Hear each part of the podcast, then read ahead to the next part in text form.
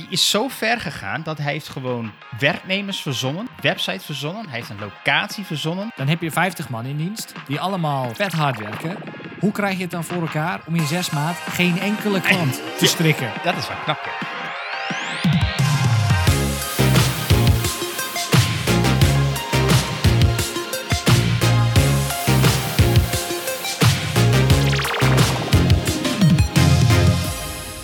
Bij de Pixel Paranoid podcast. Ik ben Mikelle en samen met mijn co-host Rick gaan we alles behandelen rondom UX, UI en front-end development. En ehm, ja, deze aflevering weer eh, allerlei verschillende onderwerpen. Ik denk niet echt dat we een één main topic hebben. Volgens mij hebben we gewoon al wat eh, kleine artikeltjes die we gaan behandelen. Ehm, Zal ik hem aftrappen? ja, maar ik wou ook nog zeggen dat eh, mensen moeten even Telegram joinen. Oh ja, Toch? Ja, nou ja, eh, eh, hierbij inderdaad. Mocht je nog niet op, eh, ons tele- in ons Telegram-kanaal zitten, wees welkom. Ehm, daar zitten meerdere mensen in die ook al in deze podcast zijn geweest. En we delen en kletsen daarover van alles en nog wat. ehm, van front-end development tot design en Alles. et cetera. Alles. Alles. Alright. Eh ik zou zeggen, take it away. Yes. Ehm, het allereerste wat ik tegenkwam, en ik wist van het bestaan, en ik heb het ook wel eens gezien, maar ik wist eigenlijk helemaal niet dat er een property voor was. En het gaat dus over eh, CSS. En dat is Text Size Adjust. En Kilian Valkhoff, ehm, misschien bij sommigen wel bekend, want hij spreekt wel op conferenties en maakt video's en schrijft blogposts en doet andere coole dingen. Ehm, die ehm, had een artikel geschreven over waarom je CSS wa- reset waarschijnlijk text size adjust eh, nodig heeft. Weet je wat text size adjust doet? Nou, ik, ik, ik heb een beetje gecheat, want ik had net het eh, linkje al geopend. Dus ik weet nu wat het doet. Oké, maar je wist niet Nee, wat ik het wist deed. niet wat het deed. Nee, nee. Nee, check. Maar ehm, als je dus op je... Het is voor iOS in ieder geval, in Safari. Ja. Ehm, maar dus ook in andere browsers op, eh, WebKit. op je iPhone, want het is allemaal WebKit inderdaad. Ehm, ja, als je een website opent op je iPhone en je draait je scherm, eh, dus je gaat naar landscape modus, vraag me niet wie dat doet, maar ehm, ik in ieder geval niet, dan ehm, zoomt je browser, zoomt Safari, die zoomt altijd een beetje in. Hm. Alles wordt opeens net even een slag groter, zeg maar. Ja. En ja, ik heb me daar eigenlijk nooit druk om gemaakt. Eh, maar ik kan me voorstellen dat dat zorgt voor ongewenste situaties. Omdat ja, fonds te groot worden of je eigenlijk nog minder ruimte hebt die je al hebt in, eh, in landscape eh, modus. Ja. Maar daar bestaat de property text size adjust voor. Ehm, en die heb je in text size adjust, WebKit text size adjust en MOZ Mozilla ehm, text size adjust. Oké. Ehm, en dan kun je een aantal dingen aan meegeven, namelijk een percentage. In het percentage eh, in hoeveel hij moet inzoomen als hij gedraaid is. Dus je zou er ook nog kunnen zeggen als mensen je draaien dat je hem op 200% zou willen hebben. Geen idee waarom, maar het kan. Ehm, misschien kun je er leuke dingen mee doen. Maar wil je dat nou niet, wil je nou gewoon dat de font size dus niet ehm, automatisch groter wordt, dus gewoon jouw standaard 16, 18 pixels blijft, dan kun je de text size adjust op none zetten of op 100%. Beide doen exact hetzelfde. Oké. Ehm, maar als je dat dus toevoegt, of je zet dat op je, ja, in je CSS reset style sheet en je zet dat op de, op de HTML, dan los je daarmee het probleem dat je mogelijk had of niet wil hebben op ehm, als mensen hun telefoon draaien en de website dus automatisch wordt ingezoomd op, ehm, op iOS. Ja, dat is wel een... ehm, ik heb er eigenlijk nooit zo bij stilgestaan, maar ik weet dat hij het doet eigenlijk. En, en nooit gefixt misschien? Of nee, nooit echt mee bezig geweest? Nou ja, hij schrijft ook, eh, hij heeft de meest gebruikte CSS-resets erbij gepakt om te kijken of die daarin zitten. Ehm Sanitize CSS, die heeft het, eh, heeft het wel. Ehm, Reboot, Hm. dat is van, ehm, van Bootstrap, die heeft het eh, op 100% staan. Dus die blokkeert daarmee inderdaad ook het, eh, het, of het inzoomen. Je blokkeert niet het inzoomen trouwens, mensen. Het is niet dat je niet meer kunt inzoomen op je page. Het is dat Safari de font size vergroot. Groter dan dat je dat zou willen. Ehm, volgens mij had je het laatst over Josh Kumau, Ja. die ook een CSS reset heeft gemaakt. Ehm, hij heeft het eh, in ieder geval niet opgenomen. Oké. Ehm, dus even kijken. Ja, ik kan de hele lijst wel afgaan. Maar het is een beetje een mix. De ene, ene reset style sheet heeft het wel en de ander heeft het, eh, heeft het niet opgenomen. Ik, ik, ik bedenk me net nog iets wat er hier aan de ene kant wel mee te maken heeft, aan de andere kant niet. Eh, het is een beetje hetzelfde effect. Eh, dat als jij in, eh, in inputvelden gaat op iOS eh, Ja. en je font size, de, size daarvan is te klein, dan Ja, zoomt kleiner iOS dan 16 ook voor jou pixels.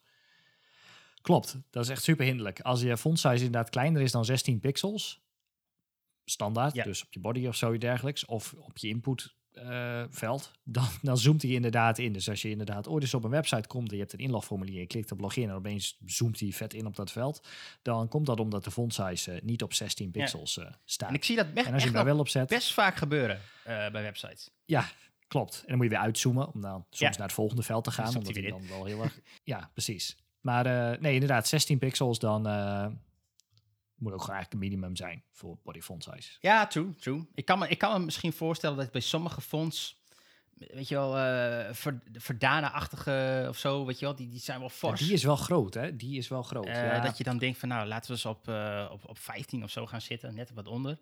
Maar ja, dan, dan krijg je dit soort issues Moet- dus. dan, moet je, dan moet je 16 op je input. Ja. dan, dan, dan werkt het wel. Nee, cool. Handig. Handig, goed om te weten.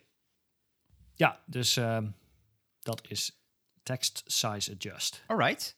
Ehm, ja, ik, ik, wij hadden hier het, ehm, ik weet niet of het van de week was of vorige week. Volgens mij vorige week hier al even over. Eh, we kwamen allebei een, eh, een artikel tegen. Dat ging eh, over een, een van de Italiaan. Ik zal even zijn naam opzoeken.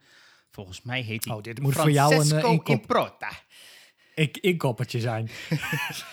Ehm, en Francesco heeft iets heel cools gemaakt. Hij heeft namelijk een website gemaakt. Dat heet cssui.dev. En eh, het idee daarachter is dat je eigenlijk gewoon eh, componenten hebt die puur bestaan uit CSS, maar toch interactief zijn. Dat is best wel cool. En hij gebruikt daar gewoon eh, ja, standaard HTML voor, gewoon moderne HTML. En daar zit er een, een. Het is nog niet heel groot. Dus verwacht er niet ineens van een hele mega dikke library. Dat valt wel mee. Maar het zijn wel veel voorkomende elementen. En dan moet je bijvoorbeeld denken aan een accordeon. Eh, dus dat kan handig zijn voor een, ik veel, FAQ-achtig iets. Mhm. Zoiets. Eh, je kunt denken aan een eh, drop-down. Daar wil ik straks nog wel even wat dieper op in met jou, want er zit wat kanttekeningen aan. Ik- hm. Eh, En een model. een model en een slide-out, maar die is eigenlijk een beetje hetzelfde idee als die model, denk ik. Heeft iets bedacht voor tabs en iets voor tooltips. En ehm, ja, wat, wat, ik wel gewoon heel tof vind, is dat het dus geen JavaScript nodig heeft om dingen te activeren. Eh, hij geeft bij sommige componenten wel een soort van note van, hey, wil jij hier de juiste area labels opzetten, dan zal je dat wel met JavaScript moeten doen. Want dat, ja, dat kan, eh, kan je niet eh, rechtstreeks vanuit CSS of HTML doen natuurlijk. Maar verder, eh, verder werkt het gewoon. Dus dat is wel cool. Ja, ik heb er naar gekeken en ik ben ook gelijk even, even humble brag contributor geworden van de repository door het oplossen van eh, het, het mergen van mijn pull request. Maar ehm, nee, er staan inderdaad een aantal componenten op eh, die allemaal dus zonder JavaScript werken. Ehm, en dan denk je, goh, hoe werkt een accordeon bijvoorbeeld zonder JavaScript? Hoe gaat iets open en dicht zonder JavaScript? Ehm, nou ja, als je er even over nadenkt, dan kun je vast wel iets verzinnen. En inderdaad, ehm, in dit geval gebruikt hij ook een input, een checkbox, zeg maar, die je dus niet ziet. En die is dan zo gestyled dat als je klikt op, dat, eh, op die titel van die accordeon of op dat knopje, dat je eigenlijk de checkbox activeert. En in de CSS is het dan, hey, is de checkbox checked, dan show nou, eh, het volgende element in de HTML. Dus ja, op die manier eh, werkt dit, werkt een groot deel van deze dingen. Ik vraag me wel af of het nou echt de meest semantisch beste, Ja, dat, logischste manier is om iets te gaan maken. Ja. Het is tof dat het kan, maar kan wel tien manieren verzinnen waarop je een accordeon anders zou kunnen maken. eens. En ja, daar heb je JavaScript voor nodig. Ja, nee, dat, daar ben ik, ben ik zeker mee eens. En dat had ik met name eigenlijk bij de, bij de drop-down. Daar gebruiken ze het, eh, het element waar ik eigenlijk niet van het bestaan wist, maar dat is details element. En die heeft standaard al het gedrag in zich dat jij daar iets mee kan uitklappen, om het maar zo te zeggen. Ja. Volgens mij is het nadeel wel een beetje van dat details element dat het niet helemaal te stylen is, misschien zoals jij zou willen. Je bent een beetje afhankelijk van de standaard browserstyles. Ja, die, ehm, op, op Ja. die Chris van CSS Tricks, die heeft ook een, eh, een blog geschreven, want hij gebruikt dat details, ehm, eh, of ja, details, het heet een HTML details component en daarin zit een summary. Ja. Ehm, en nou ja, die werkt inderdaad native dat die open en, eh, en dicht kan klappen. Hij gebruikt die ook in artikelen, zeg maar, als je eh, ik veel over Flexbox of zoiets dergelijks. En dan, dan nou, gebruikt hij dat ding. Er staat standaard staat er zo'n net raar uitgerekt driehoekje voor, zeg maar. Ja, klopt. Net niet, zo, niet zo'n play-icoon, maar een soort uitgerekt play-icoon. En eh, volgens mij beschreef hij daar ook dat het nadeel van dit component is dat je. Nou ja, hij, hij, hij klapt hartstikke mooi open en dicht. Semantisch is hij ook correct. Toegankelijk is hij ook. Alleen eh, je kunt inderdaad. Ja, je- haast het lijkt er wel een soort van input element. Dat je Ja. zit met een soort select of zo. Weet je, dat je dat kun je net niet lekker helemaal eh, naar je eigen hand, eh, hand zetten. Maar wel tof dat je. Het, het werkt, maar dat, dat is wel één zo'n element waarvan ik denk van... ja, waarschijnlijk wil je hem niet helemaal zo, zo toepassen en gebruiken. Dus dan vind ik hem eigenlijk niet zo heel sterk. Eh, er zat wel één in. En het is heel dom. Ik weet van de werking van dit eigenlijk wel. Maar ik had er nooit zo over nagedacht om deze combi zo te gebruiken. En eh, dat is het voordeel van de model die ze gebruiken. Ehm, je kunt natuurlijk gewoon met ehm, eh, zogenaamde anchor tags... kun je linken naar elementen in de pagina. Eigenlijk zo wordt het meest gebruikt. Maar je kunt Zie je, zoals op Wikipedia. Ja. Je hebt gewoon een, een inhoudsopgave en er staat een link. En als je daarop klikt, dan scrolt hij daar naar beneden. Eh, het mooie daarvan is, is dat jij eh, ehm, bij een link die geactiveerd is, dus waar je op geklikt hebt, dan ga je daar naartoe. Eh, daar kun je die ook een andere CSS-styling aan meegeven. Want dat is namelijk, dan moet ik even, even, wat was het ook nog maar weer? Dubbele punt target, volgens ja, mij. punt tar- dubbele punt target. En daarmee is een actief element, eh, kun je dus gewoon eh, display block bijvoorbeeld geven. Standaard is die display none. Heeft hij die target, eh, dan is die display block. Of flex of whatever. Of wat je er ook maar weer mee Mhm. wil geven. En dat is eigenlijk hoe die model bijvoorbeeld werkt. En toen zat ik mee te denken, ja, daar kun je natuurlijk van allerlei dingen mee doen. Daar, kun je, daar doet hij die slide-out, doet hij daarmee. Ja, die, die slide-out voor mensen die dus geen beeld hebben. En, of nou, mensen die geen beeld hebben. Het is een podcast. Ja. Dus je hebt geen beeld. Maar een slide-out bedoelen ze zo'n off-canvas-achtig menu mee. Die, die is van de linkerkant buiten je scherm zo zo opzij eh, schuiven, ja. schuift. En ja, je, je kunt daar natuurlijk van allerlei dingen mee doen. Eh, dus dat, dat is wel grappig. Eh, ik zag een voorbeeld ergens voorbij komen waarbij ze een, ehm, een hamburgermenu gingen openen met datzelfde de- mechanisme op een mobiel. Ja. Het dingetje daarbij wel is, de knop waar je op drukt is, dus de, de, de A met die, met die anchor tag, die weet niet dat die geklikt is. Dus die heeft geen state of zo. Eh, dus die kun je niet helemaal gebruiken om bijvoorbeeld eh, een ander icoontje mee te geven aan het hamburger nu. Dus je kunt zeg maar niet van een hamburger naar een kruisje of zo, eh, omdat hij die state hij- wordt hij onthoudt. Wordt hij niet active of zo? Ja, hij wordt... Visi- visited, maar daar heb je niet zoveel aan.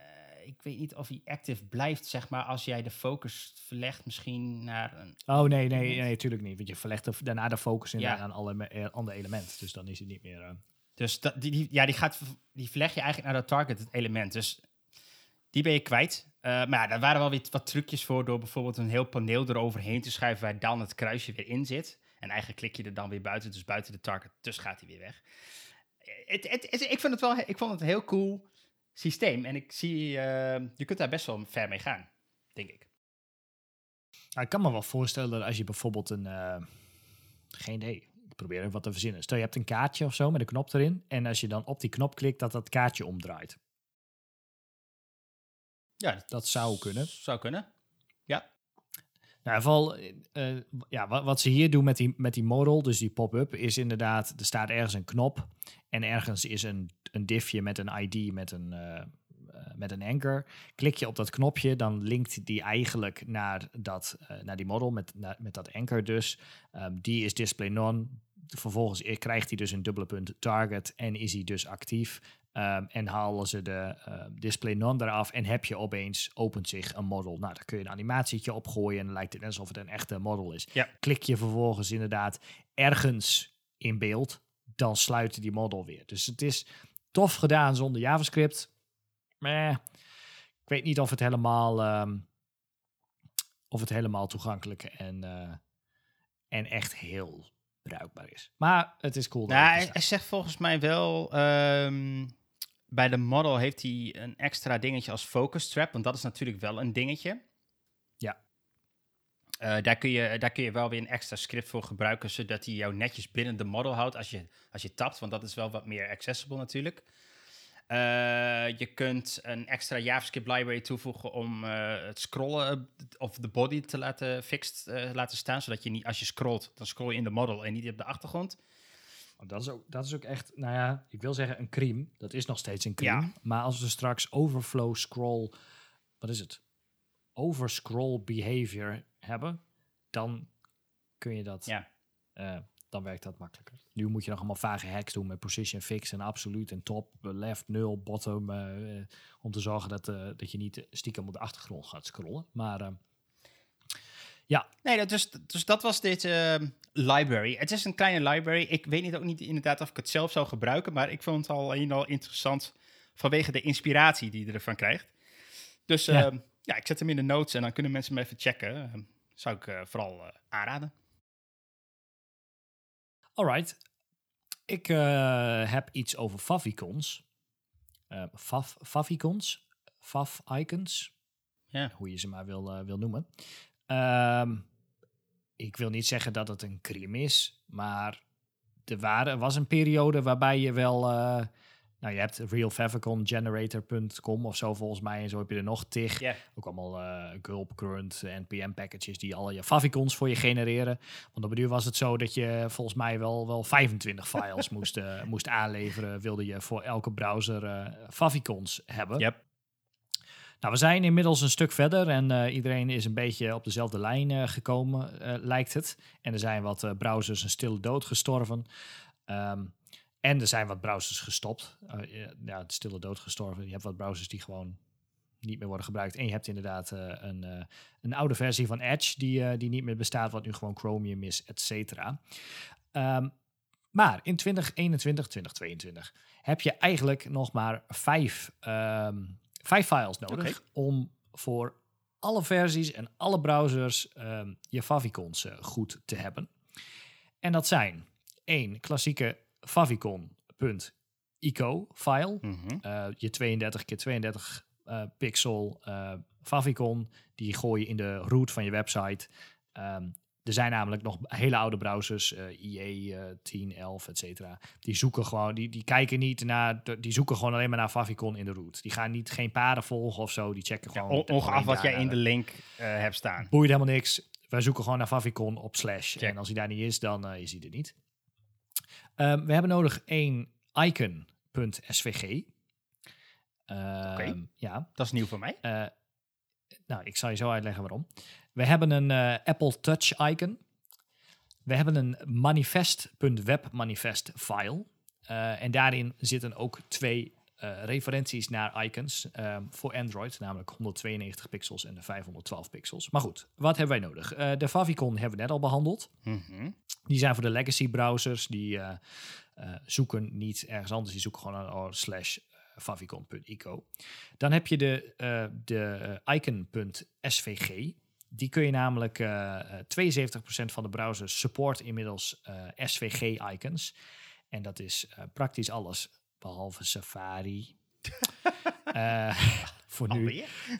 Alweer, ja. Het, is, het zit ook nog niet in de technical preview. Maar goed, um, Chrome, Firefox, Edge, uh, die hebben het allemaal, uh, die hebben het wel. en op Android. de favicon. Of, sorry, icon.svg, dus de, um, de favicon SVG variant, die kun je namelijk um, een SVG kan style tags bevatten. Mm -hmm. En omdat die style tags kan bevatten, kun je er dus ook add media in kwijt. Dus kun je er ook add media prefers color scheme dark in zetten. Ja.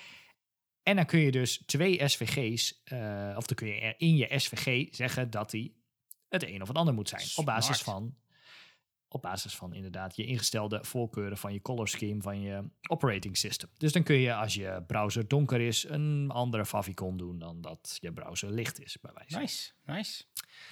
Dus, eh, dus dat kun je doen. Die heb je nodig. Eh, dan heb je eenmaal nodig een 180 keer 180 PNG voor Apple devices, je Apple Touch icon.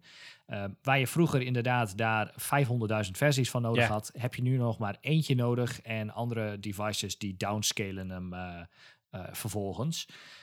Waardoor je daar verder geen, niet meer over na hoeft, hoeft te denken. Kleine side note, die icoontjes zien er beter uit als je 20 pixels padding om het icoon ehm, zet. Ehm, dit zijn die icoontjes die zeg maar op je homescreen komen te staan als je eh, een website op je iPad of iPhone zou toevoegen als, eh, als appje. En die, die 20 pixels is nog binnen die 180 bij 180, neem ik aan. Ja, ja, ja, zeker. Ja, ja. En dat, eh, als je, dat je icoontje daar binnen is, zeg Ja. maar. Zodat het iets meer lijkt op een, een app-icoontje. Ehm, dus dat is mooi. Eh, dan heb je dus die webmanifest-file, waarin je twee referenties hebt naar ehm, een 192 keer 192 en een 512 keer 512 PNG-file voor Android-devices. Ehm, en dan ben je er. Nice. En dan zou je afvragen, ja, maar vergeten we dan niet dingen? Eh, ja, of nou vergeten we dingen. Je had de Windows Tile icon. Ehm, dat was, als je die Real Favicon Generator of whatever gebruikte, dan kon je altijd, oh, Windows Tile. En dan kon je zo'n achtergrondkleurtje kiezen. En dan moest die, dat icon moest die wit of zwart zijn, of moest die original zijn. En ja, ja, ja. Ehm, die, ehm, eh, die zijn niet meer noodzakelijk. En eh, Windows, ehm, die, eens even kijken, voor recent versions of Windows, this is no longer required. Nee. Ehm, dus Volgens mij doen ze ook niet zo helemaal heel veel met die tiles meer. Nee, die worden niet meer aan, de, aan het startmenu vastgepind, zeg maar. Daar waren ze voor. Ehm, dus dat, is, dat was zo'n Windows 8 8.1 eh, ding volgens mij. Windows Ja. 10 had het misschien ook nog, weet niet. Maar goed, die, ehm, die is niet meer. Ehm, dan had je voor Safari had je nog eh, de eh, ge- gemaskte icoontjes voor Safa- Safari. Want Safari had geen, geen gekleurde favicons. Die had altijd alleen maar die, chromo- die monochromic icons, Oh, ja, zeg maar. ja. Die waren grijs, zwart, wit, whatever, maar geen kleurtjes. Ehm, maar eh, daar zijn ze van afgestapt. Dus eh, Apple.com gebruikt het zelf ook niet meer voor een eh pint tabblad of voor een favicon. Dus die kun je ook skippen. Ehm dus even kijken. Dan heb je nog Opera. Maar Opera is inmiddels ook gewoon, gewoon bij. En die luistert ook gewoon naar de, naar de andere icoontjes. Eh, en dan hebben ze nog over Yandex. Ja, Ja. Dat is een Russische, Russische browser, maar die gebruikt eh, eh, is Chromium. Ja, precies. En die had een speciale Yandex Tableau widget, schijnbaar, waarbij je een soort van live data via een JSON-file kon laten zien als mensen jouw website pinden op hun startscreen. Maar dat wordt niet, wordt niet meer gebruikt. Dus eh, ook die, eh, niet dat ik die ooit gemaakt heb, maar die... Is eh, Yandex tegenwoordig er- niet eh, onder water stiekem een, een, een Chrome-browser tegenwoordig? Ja, dat is het. Het is nu Oh, het ja. is Chromium. Ja. Maar zij, ha- ze gebruikten nog een eigen feature voor een soort van startscherm, maar die is, eh, die Ja, is zo. niet meer. Ehm, maar eh, ja, je, je, de SVG Favicon, die is wel interessant. Dus je zet daar gewoon eh, een media... eh, in je SVG heb je bijvoorbeeld een path en die heeft een fill. ehm, en die, nou, Die in die path geef je, een, geef je een class en in die media tag, of media, je mag in die media query van Preferred Color Scheme kun je dan zeggen: hey, deze class moet wit of zwart zijn op basis van. Dus the more you know, geen honderdduizend icoontjes meer. Ja, nice. Die, eh, Ook daar een beetje maken. standaardisatie. Top. inderdaad. Alright. ehm, ja, ik, ben jij bekend met het Zeigarnik-effect? Pardon? Het Zeigarnik-effect. Nee.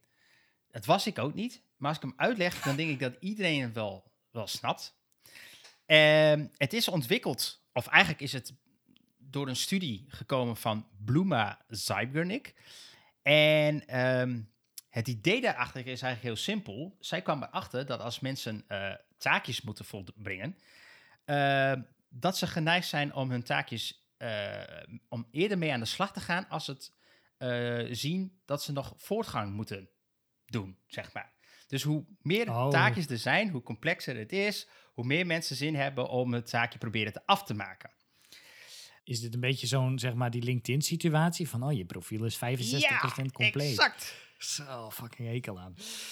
Nou, ik, ik, ik vind het op zich, het idee hierachter is denk ik heel goed. Ehm, en daar wil ik je straks nog even hebben, want er zijn inderdaad ook, er zijn ook heel veel dark patterns van dit. En eh, daar, daar wil ik het zo nog over hebben. Maar het idee is inderdaad dat je geeft mensen een soort van idee van progress. En, je, en, Ja. en, en laat je eigenlijk al van tevoren zien van, hey, eh, je bent nu zover en je moet nog zoveel taakjes volbrengen. eh, en dan heb je het afgerond. En wat je dan gewoon ziet, wat, wat meerdere studies hebben ook uitgewezen, is dat mensen dan meer geneigd zijn om het proces ook af te maken. Dus stel je hebt een, eh, een complex formulier wat ingevuld moet worden. Ja, dan kun je iets als progress indicators gebruiken om aan te geven van hey, hier ben je en zover moet je nog. Nou, Ja. so far allemaal good. En dat snappen we allemaal. ja, so far so good, ja. En daar zijn we allemaal heel blij mee. En ehm, toen dachten heel veel marketeers van, nou, dat is wel heel interessant. Daar kunnen we wel meer dingetjes mee doen. En toen kwamen er heel veel dark patterns. En ik ben er, eh, ik, ik- nou, ik moet wel zeggen dat, dat dit, dit idee is natuurlijk al heel oud. Ik bedoel, zij kwam erin mee in 1927, dus kan je nagaan. Ja, toen zat ze op internet en toen dacht ze, oh, dit trek ik niet, dit geef Ja. ik een naam. Precies. Nee, maar er zijn dus best wel veel bedrijven. En jij noemt er inderdaad al een eh, LinkedIn. Is ook wel eentje die daar wel handig gebruik van maakt. Ehm, ik weet dat Facebook. Ik heb ooit eens een keer een. ehm, ik, ik, ik ben niet zo fan van Facebook. En ik had eh, de app ook niet geïnstalleerd. Want ik weet dat die best wel veel trackt en doet. En nou ja, daar had ik helemaal geen zin in. Maar af en toe kijken ze nog wel eens op Facebook. En eh, wat zij heel sneaky doen. Is ehm, als je bijvoorbeeld de Messenger-app ook niet hebt van Facebook is dan laten ze een eh, rood, rood bolletje zien eh, bij eh, messages. En als Ja. je daarop klikt, dan krijg je in de webapp versie van... Nee, je moet even de Messenger-app downloaden, dan kun je al je berichten lezen. En ik vond het heel raar, want ik dacht... Huh? Maar ik- oké, dus ik zal wel berichten hebben. Ik ben wel even benieuwd of iemand mij een berichtje heeft gestuurd. Dus ik ging naar Ja, de ja. desktop-versie van Facebook. Ik log in, geen bericht. Ik denk, hè, wat is dit? Dus hebben ze alleen dat rode bolletje toegevoegd om mij Messenger-app te laten downloaden. Ja, dat is wel... eh, eh, Dat is het een beetje... eh, ja, je kunt het patroon gebruiken ook als dark pattern. En daar moeten we denk ik wel een beetje voorzichtig mee zijn. Ja, dan, ja, LinkedIn heeft dat dan gewoon. Nou, het- het- volgens mij hebben ze het wel in pop-ups gedaan en altijd in de sidebar met, oh, de- je profiel is eh 80% compleet. Ja. Zorg ervoor dat je eh, nog even dit en dit invult, want dan eh, ben je all-star ranking, word je super eh, vaak gevonden, weet ik het allemaal. En het is fucking stupid, maar Remea, mijn, ehm, ik heb een, een, een, eh, slimme thermostaat, nou ja, slimme thermostaat, eh, een thermostaat die verbonden is met internet. Ik vind hem niet heel slim. Koop hem ook niet. Hierbij een tip. Eh, geen Remea e-twist thermostaat halen. Maar ehm, die, eh, die heeft... Ik heb geen idee, maar iemand heeft daar in het marketing ding ook gedacht van... Goh, hoe kunnen we nou zorgen dat die mensen ehm, hun eh, gegevens ehm, in hun thermostaat gaan invullen als je de app opent? Nou, gewoon door ook inderdaad rode bolletjes in de, in de app. Dus iedere keer als ik mijn kachel, weet ik veel, wil aanpassen of zo dergelijks... dan staat er zo'n hamburgermenu met zo'n rood stipje. En dan klik je erop en dan staat er... Oh, 60% van je profiel is compleet. En dan moet ik invullen mijn volledige naam, e-mailadres, postcode, huisnummer. eh, weet ik het allemaal. Je, je bent een thermostaat, weet je. Ik wil gewoon alleen maar aan en uit en wat, wat, wat di- dingen kunnen doen. Ik hoef dat allemaal niet in te vullen. Maar ik kan ook niet cancelen of zo dergelijks. Dus ik leef nu voor eeuwig met dat rode bolletje ehm, in, de, in de app. En nou ja, LinkedIn die doet het dus ook op verschillende manieren.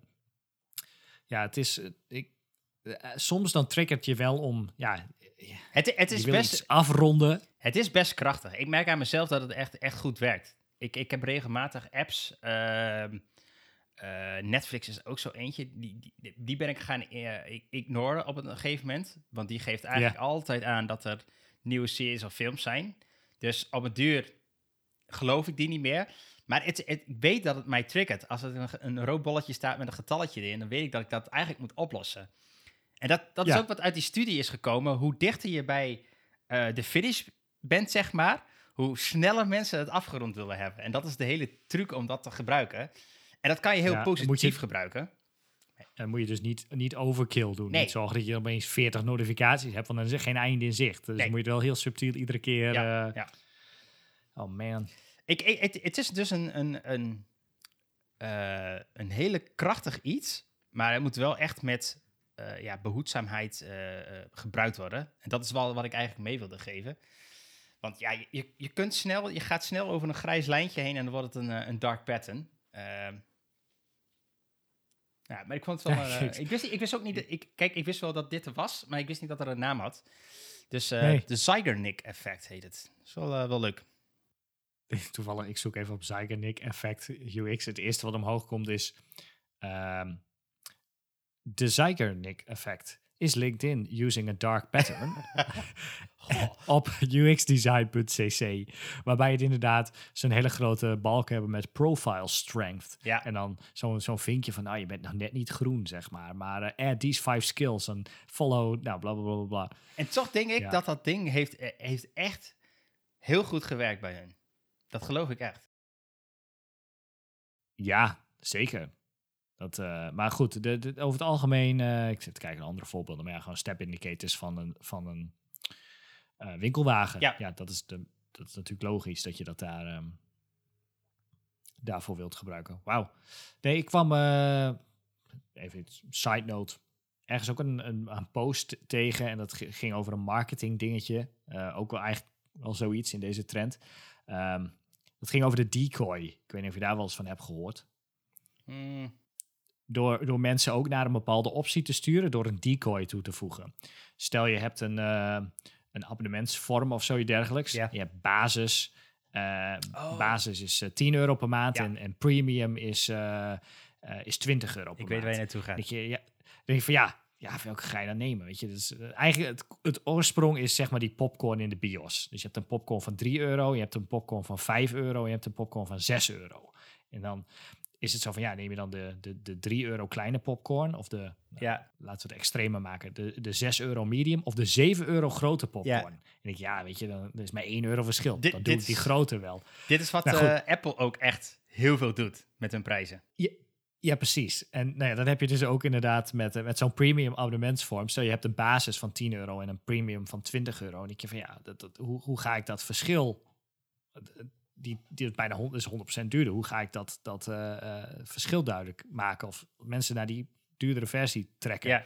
Nou, dan voeg je gewoon nog een, een optie toe, een derde optie van 50 euro. Met eh, het complete pakket bijvoorbeeld. Weet ik veel, super deluxe. en dan denk je, ja, dus het 10 euro, 20 euro of 50 euro. Ja, 50 euro is echt veel Ja, duur. Dan, dan, dan, dan is die middelste lijkt me wel een Ja. goede, goede oplossing. En heb je ze toch, zeg maar, op je duurste, je duurste versie. Dus ja, dat is wel, wel sneaky. Maar inderdaad, Apple die, die doet dat ook met hun, ja, met hun, eh, wat is het? Eerst 16 gig, inmiddels 128 gig instap iPhone. En ik ja, 256 is maar zoveel eu- euro duurder, zeg maar. Ja, daar moet er nog even een badge bij van eh, de meeste mensen kozen voor, eh, voor dit pakket. Ja, ja, precies. Ja, de meeste mensen kozen voor deze iPhone. oh, Maar dat zijn, ja, zijn, dat, zijn dat dark patterns? Het is wel een beetje sneaky, zeg maar. Het, het, psychologisch eh, warfare. Ja, ik, ik, dit, dit is, deze die jij nu noemt is natuurlijk niet echt een, een mega... Ja, het is wel een beetje UX, maar het- ik vind het eigenlijk nog meer marketing of zo. Het is, het is mensen op het... Eigenlijk op het dure pakket zien te krijgen zonder dat ze het doorhebben, inderdaad. Ja. Het is... Het, ja. Decoy effect, ja. Het wordt ook heel veel toegepast al, inderdaad. En, eh, al best wel lang ook. Nou, dat was in ieder geval het eh, artikel wat ik eh, even wilde behandelen. Of het artikel, het effect. Check. Ehm, ik was deze week bezig met ehm maken van een nieuwe site. En ehm, daar moest ik een... daar wilde ik eigenlijk... Wij twee, of jij, hebt een keer... We hebben samen een eh, formule bedacht... waarbij we font size scaling konden doen. Oh ja. Waarbij we, we, we hadden een designer en die maakte designs eh, op eh, een mobiele resolutie, 320 pixels bijvoorbeeld. En die maakte ook designs voor desktop op Full HD 1920 pixels. En ehm, hij gebruikte voor de headings bijvoorbeeld op mobiel eh, 24 pixels en op eh, desktop eh, 54 pixels, ik noem maar wat. 48, laten we 48 houden, dat is mooie scaling. Ehm, daartussenin zit ook wat. Ja. Maar we wilden eigenlijk niet voor tablet en, en kleine, eh, kleine desktop en, en medium desktop, wilden we ehm, wilden we die font sizes allemaal gaan definiëren. We kregen superveel media queries. Clamp bestond toen nog niet, dus daar konden we nog niks mee. Um, dus hebben we, uh, hadden we een media query, of een media query, hadden we een SAS-functie gemaakt waarbij je een, een, de, de kleine waarde meegaf en de grote waarde meegaf. Uh, dus van de mobiele en van de desktop resolutie. En daartussen uh, berekende die dan zelf wat de, um, wat de font size dat, ja, tussen zou ja. zijn als je, als je zou gaan scalen kleine nadeel misschien daarvan was dat hij scalede oneindig door. dus als je inderdaad een, um, een beeldscherm hebt van 5000 pixels breed, dan was het opeens font size uh, 84 of zoiets dergelijks. Um, maar alles, als je dat met alles deed, dus ook paddings en dat soort dingen, dan schaalde alles in proportie mee. Dus was je website was eigenlijk nooit uh, ja, uit verhouding, nee, om het nee. zo maar uh, te zeggen. Want als je inderdaad met media queries je font size zou gaan aanpassen, maar je padding blijft wel gewoon overal 16 pixels, dan heb je op een duur een, een kaartje met een enorme font size, uh, maar bijna geen padding meer rond. Nee.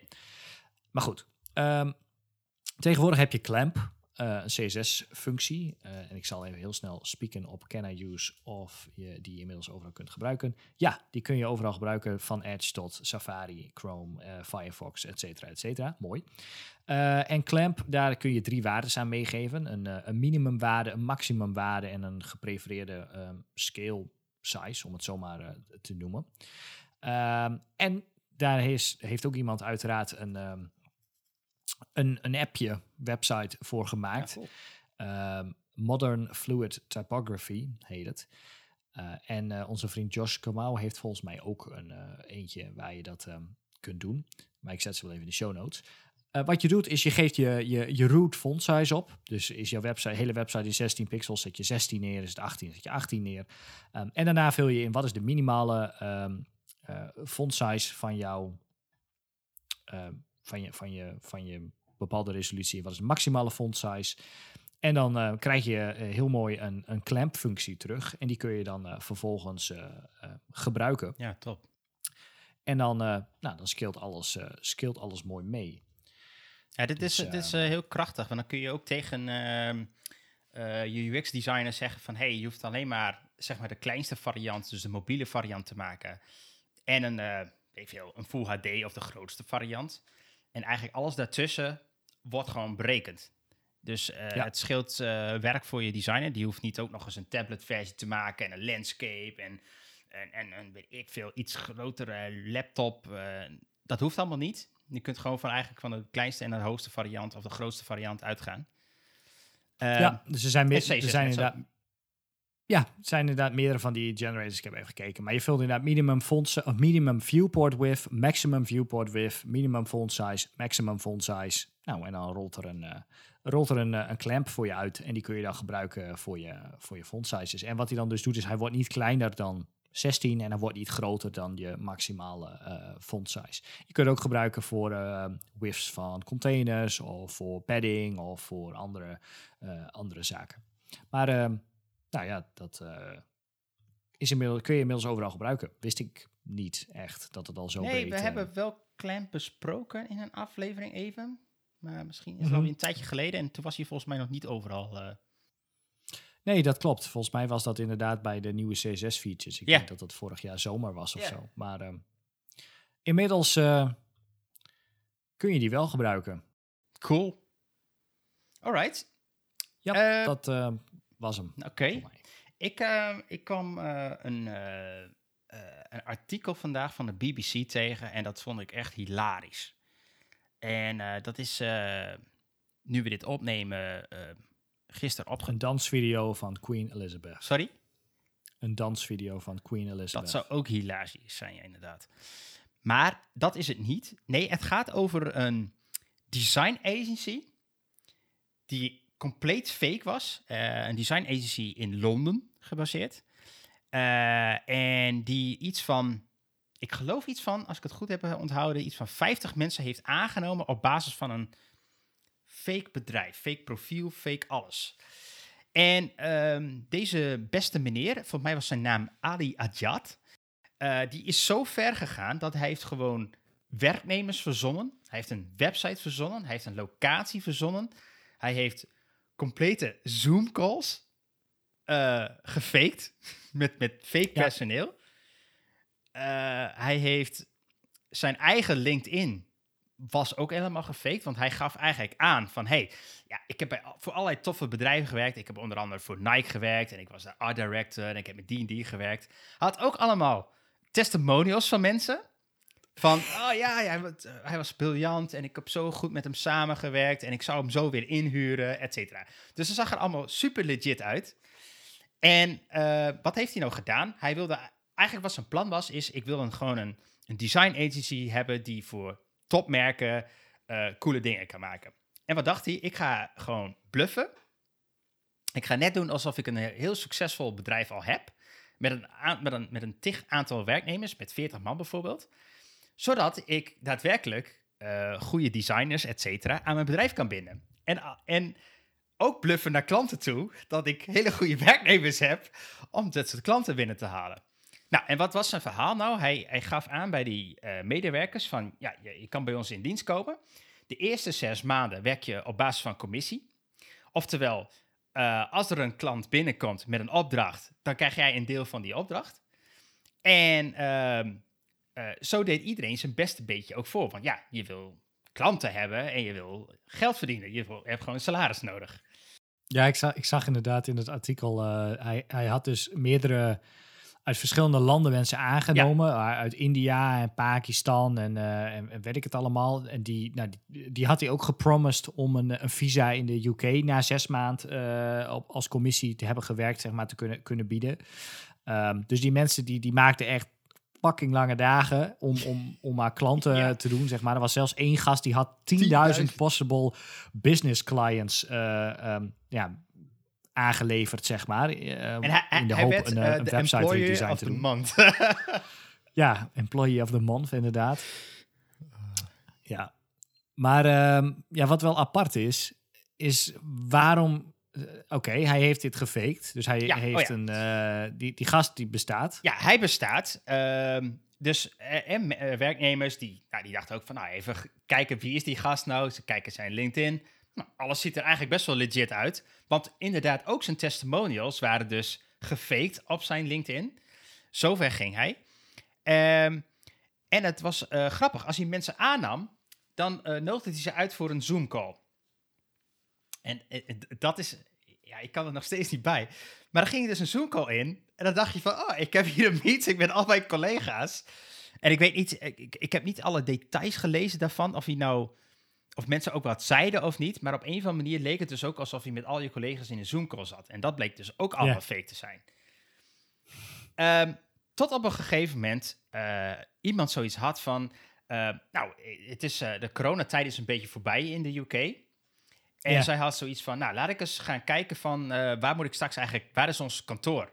Ze ging naar de website, tikt adres in, tikt het in op Google Maps... en ziet het heel gek van, hm, dat is een flatgebouw.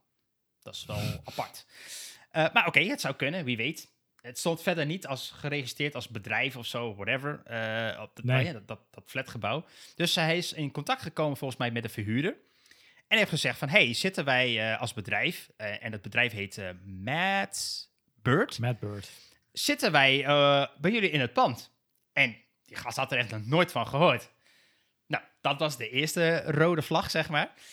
Uh, ze ging uiteindelijk met een andere collega die ook was aangenomen. Die werkte in Dubai, geloof ik. En die ging daar proberen daar klanten uh, aan, uh, Madbud te binden. En ze zei van, hey, ik heb naar ons kantoor gezocht. hoe zit dat nou? Ehm, ik vind niks. heb jij eigenlijk wel met, met, met andere mensen gesproken? En zo zijn zij een beetje gaan aan onderzoeken. En uiteindelijk, ik zal dit artikel ook even in de, in de ehm, show notes zetten. Maar hebben ze een whiteboard gemaakt uh, met mensen met hun profielfoto's. En zijn ze op onderzoek gedaan van wie zijn dat nou eigenlijk? En uh, wat bleek nou? Er bleken heel veel stokfoto's tussen zitten. Of heeft die mensen gefotoshopt. Of...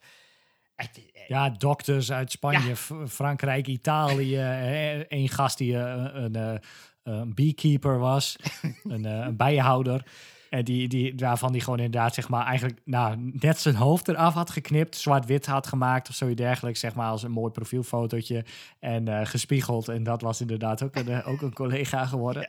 Ja. ik, zit, ik zit er doorheen te scrollen, maar uh, wauw.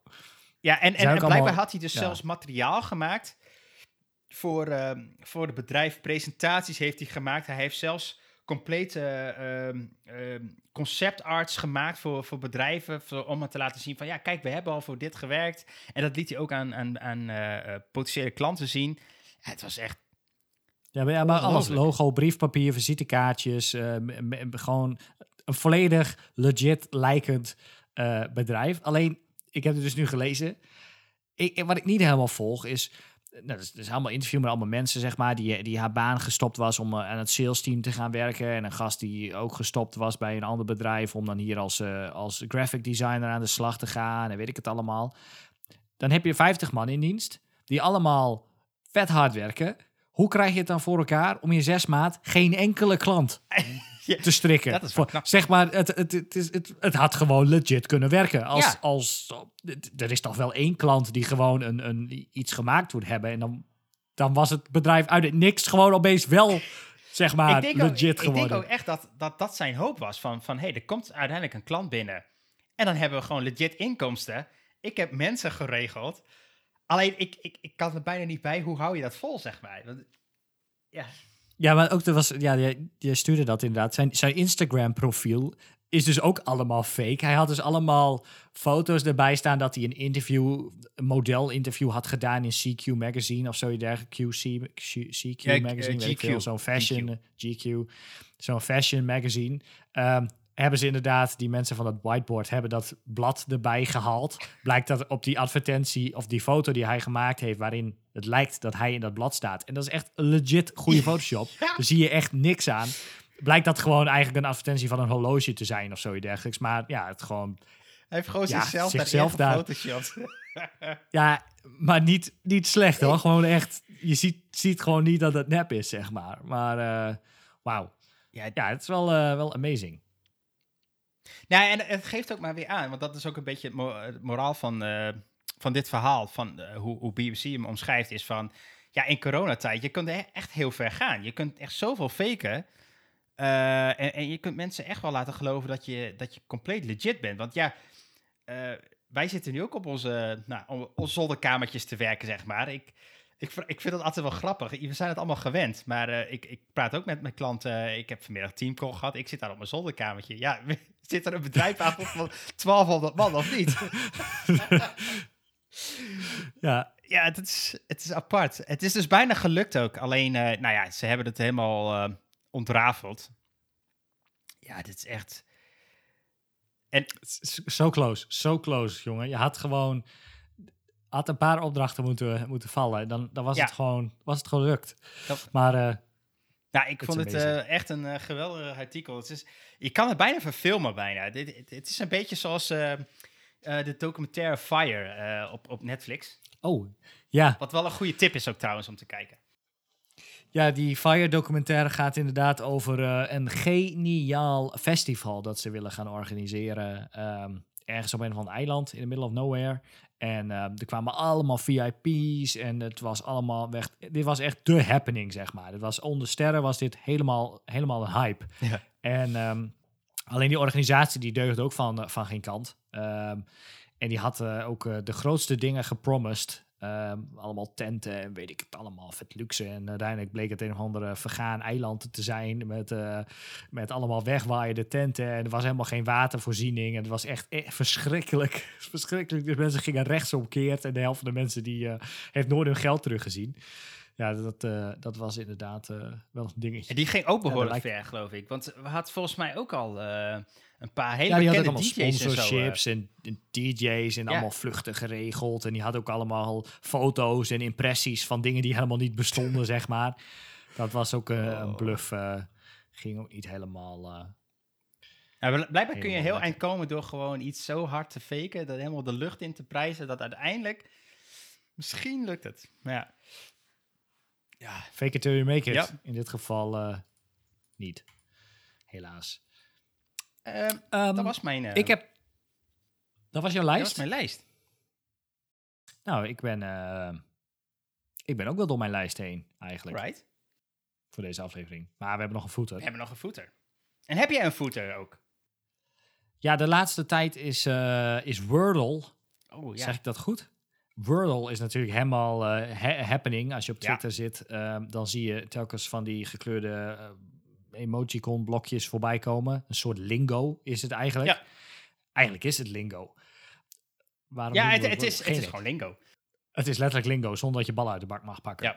Eh, maar het idee is dat je in vijf, zes, zeven, weet ik veel, Zes. pogingen, Zes pogingen. zes pogingen, moet je een, eh, het woord van de dag zien te raden. En eh, nou ja, de letters worden groen als ze op de juiste plek staan, geel als ze niet op de juiste plek staan, maar wel in het woord zitten, en zwart als ze er niet in zitten.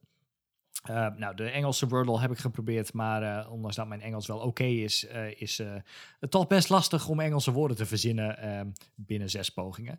Nou, dat was natuurlijk dat was van een Nederlander volgens mij, die dat aan de New York Times heeft verkocht. Je hebt ook inmiddels een, een Friese Nederlandse Wordle en je hebt ook al een Nederlandse Woordel met dubbel O. Ehm, maar jij kwam met ehm, twee verschillende versies van een soort geografische Wordle. En die vind ik eigenlijk best wel tof. Ehm, de geografische Wordle, eh, de ene versie ehm, is het de bedoeling dat je, het, eh, dat je een willekeurig land van de dag raadt. Oh ja. Ehm, dus je vult een, een, een land in en die kleurt een, eh, die, die wordt een kleur, zeg maar. En op basis van de kleur, lichtroze tot donkerrood, geeft hij een indicatie hoe ver je bij je eindland vandaan zit, zeg maar. Ehm, dus stel je vult in Italië en die is lichtroze. En dan vul je daarna in China en die is een beetje rood. En dan ga je daarna vanaf China een beetje verder, zeg Ja. maar. Ehm, op zoek naar dat land. En dan heb je dan eh, op die, in deze versie unlimited pogingen voor. Maar de bedoeling is dat je het in zo weinig mogelijk doet. Die is Ehm, wel maar dat pittig leert, trouwens. die is wel Die is pittig, wel inderdaad. En de tweede versie die jij stuurde was eh, een versie waarbij je. Nou, bij die, die, die eerste versie moet je zelf het land goed typen. En dat is in het Engels soms nog wel eens lastig. In die tweede versie die geef je dus suggesties. Als je S intypt, zegt hij, oh, Zweden, Ja, ja, ja. Zwitserland. Dus die is wat makkelijker. Ehm, daar heb je wel zes pogingen. En eh, je vult een land in. Je krijgt alleen de omtrek van het land te zien. Ja. En vervolgens moet je dus nou ja, gokken welk land het is. En als je dan een land invult, dan zegt hij hoeveel kilometer je er vandaan bent en welke richting je op moet denken. Eh, dus je ziet geen wereldkaart, je ziet gewoon alleen maar de omtrek van een land. En dan vul je in Zweden en dan zegt hij eh, nee, 8000 kilometer schuin naar onder of zo. Ja. Nou, en dan nou, moet je dus zelf. eh, Maar mijn topografische kennis is wel redelijk. Maar ik heb al wel weer eigenlijk wat dingen geleerd van, oh, ligt dat daar? Of, oh, ziet dat er zo uit? Oh, dat ligt best wel ver. Anders op een andere plek dan ik had verwacht dat het zou liggen. Dus het, ja, het kost je, wat is het? Een minuut van je dag. Ja, en ja. eh, het, is, het is wel geinig om eh ermee te spelen, zeg maar. Om het in zo Ja. weinig mogelijk pogingen eh, te raden. Ja, ik, ik, ik, Dus, eh, ah, daar heb ik ook een tip. Want ik vind die inderdaad leuk. Ik vind die eerste die je noemde, die vind ik erg pittig. Want ik heb al een aantal keer gehad dat ik om een land blijf heet cirkelen. Ja. En dan blijf je maar gokken en gokken. En dan denk ik, oh, wat- is het dan? Ehm, die laatste is wat iets meer, ja, iets, iets makkelijker, omdat hij jou een richting aangeeft. En eh, je hebt al een bepaalde shape, dus je hebt al in je hoofd van, ah, wacht, dit land lijkt daar wel op. Nou ja. Eh, en wat wel goed om te weten is dat de landen zijn niet gekanteld of gedraaid of zo. En dat zou wel heel flauw zijn. Het, ze zitten dus in de positie worden ze getoond zoals ze ook op, het, op, de, op de wereld zijn, op de landkaart zijn, zeg maar. Ja. Dus, eh, nee, maar ik had, ik had nog een andere. eh, en die vind ik erg leuk. Die speel ik eh, met een aantal vrienden eh, eigenlijk elke dag. En dat is Madler. eh, dat is hetzelfde als Wordle, maar dan een, een sommetje. Oh, ja, ja, ja, ja. en de vraag is eigenlijk, bijvoorbeeld vandaag is, find the hidden calculation that equals 15. Dus je moet een som creëren dat, waar 15 uit moet komen. Eh, de enige minpunt wat ik heb is, soms kun je getallen omdraaien en dan is hij wel goed. Terwijl eigenlijk in beide gevallen 15 uitkomt natuurlijk. ja. Dat is wel een beetje suf soms. Eh, maar ik vind hem erg leuk. Hè. Dat zet je wel eh, even aan het denken. Het zet je op scherp of zo. Ik, ik weet niet. Het is een leuk Ik, ik, vond hem, ik vond hem lastig. Ik vond hem lastig. ja. Maar je krijgt dus, ehm, eh, je hebt alleen het, eh, je hebt de eh 0 tot en met 9 en je hebt plus, min, keer en delen door. En daar moet je dan dat getal mee maken. Ja. Eh, er zijn wel wat, uiteindelijk leer je wat trucjes. eh, om, om, maar dat is net als met Wordle. eh, er zijn bepaalde woorden waar, al, waar je al heel snel achter komt of bepaalde combinaties werken of niet. Ik geloof Ja. dat, ehm, nou, penis is bijvoorbeeld een heel goed woord om mee te beginnen. Weet niet toevallig. Ja, daar heb je gelijk. ja. Maar nee, bij, bij, bij Mettler is dat ook wel een beetje zo. Dus je probeert eh ehm, eh, direct te kijken of je een plus, min of keer of uh, delen door eh, nodig hebt. Eh, nou, eh, ik vond het Ja, erg leuk. precies. Nice. Nou, dan, dan, ga je en topografie en wiskunde, wiskunde. komt er uit de kast. Ja, dat is, dat is trouwens... Er zijn echt natuurlijk tig soorten eh, van deze games komen nu uit. Ik heb ook eentje gezien, die was heel flauw.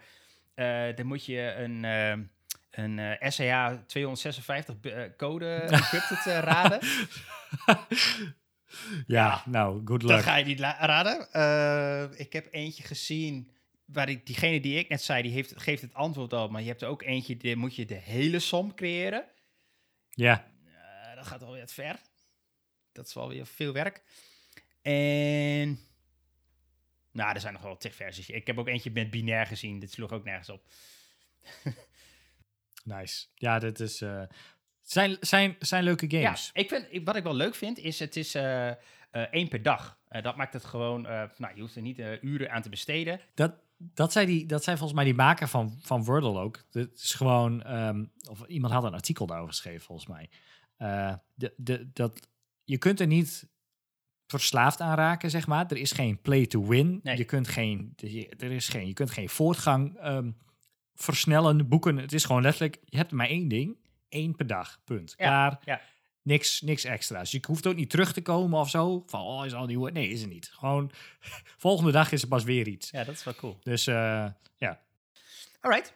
Ehm, ik had nog een andere tip eh, naast Mathler. Ehm, of nou ja, ik, ja. Ehm, ik kijk nu. Ik ben sinds kort achter een YouTube-kanaal gekomen. Dat is eh, de. Ik denk dat heel veel mensen hem wel eigenlijk al kennen, maar ik, ik wil hem toch noemen. Ik vind hem erg leuk. Eh, de politievlogger Jan Willem. ah, ja, Ehm, ja, die ken ik. ik- Nou, ik ken hem niet hoor, maar ik ken zijn Ja, video's. check. Ik, ik, ik weet niet, drie weken geleden of zo zei iemand tegen mij van... Oh ja, ik kijk elke zondag eh Jan Willem, eh politievlogger. Oké, wat is dat dan? Dus ik heb inderdaad een paar afleveringen van hem gezien. Ehm, hij blijkt zelfs genomineerd te zijn voor een eh, televisiering. Dus dat wist ik helemaal Ja, niet. klopt. ja, dat was inderdaad. eh Dus, nou, hij is, jaar hij is ook mij. behoorlijk populair. Volgens mij heeft hij echt wel... Nou, ik dacht een half miljoen volgers of meer. Ja, dat veel. klopt. Hij, hij heeft een paar jaar geleden of zo, toen was het, of ja, zoiets, was hij nog wel in het nieuws. Want toen had hij eh, wat te veel gefilmd, zeg maar. Wat, wat niet Ja. helemaal lekker was. Dus hij, sindsdien, hij blurt best wel veel Ja. en dat soort dingen, logisch. Maar het geeft je wel een inzicht inderdaad in... eh, Ja, ik vind, in eh, Ik weet niet, ik krijg wel een soort van ehm, hernieuwd respect voor, voor politiewerk of zo. Het- Ze hebben echt wel met veel shit te dealen. En Mhm. ehm, ja, dan eh, moet je ook die serie met Ewoud even kijken. Dat hij meeloopt bij Ewoud, hoe heet dat? Bureau Hofstad, bureau mhm, en bureau bla bla bla. Oké, eh Ewoud, die gast die ook in eh buitenland en zo was, naar die gevangenissen, die, dan loopt hij letterlijk een half jaar lang mee, elke dag met de politie. oké.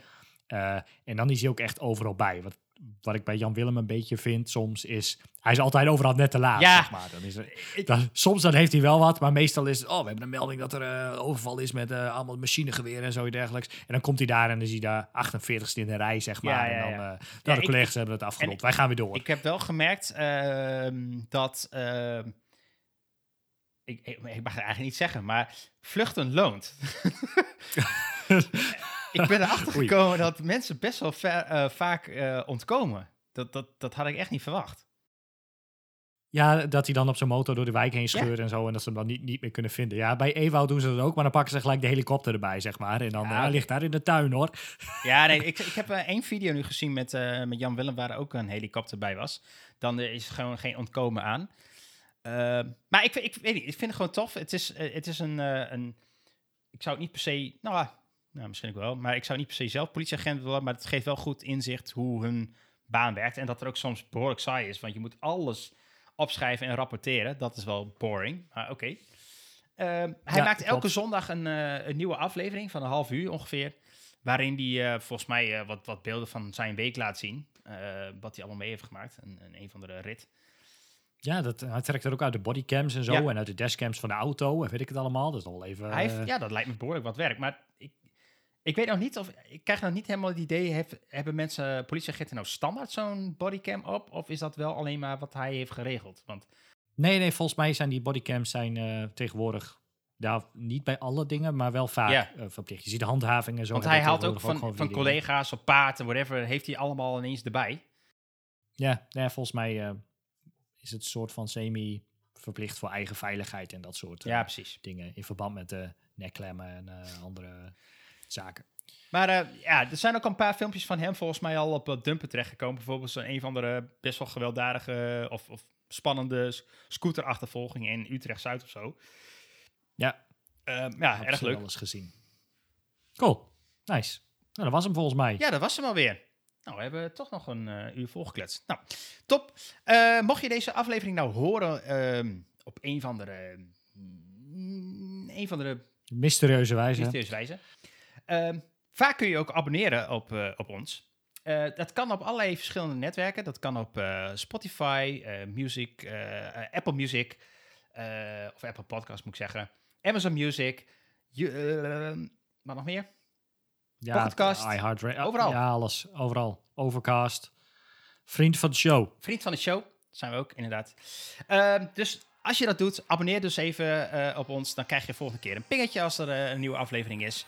En mocht je nou bij ons in contact komen, of weer een keer in de aflevering zitten, net als vorige week bij Sander hadden, eh, ga dan naar pixelparapanoid.com op ja, contact. Of kom gezellig bij ons op Telegram. En dan spreken we daar verder. En dan wil ik Yes. zeggen, tot de volgende keer. Yo, hoi. hoi. hoi.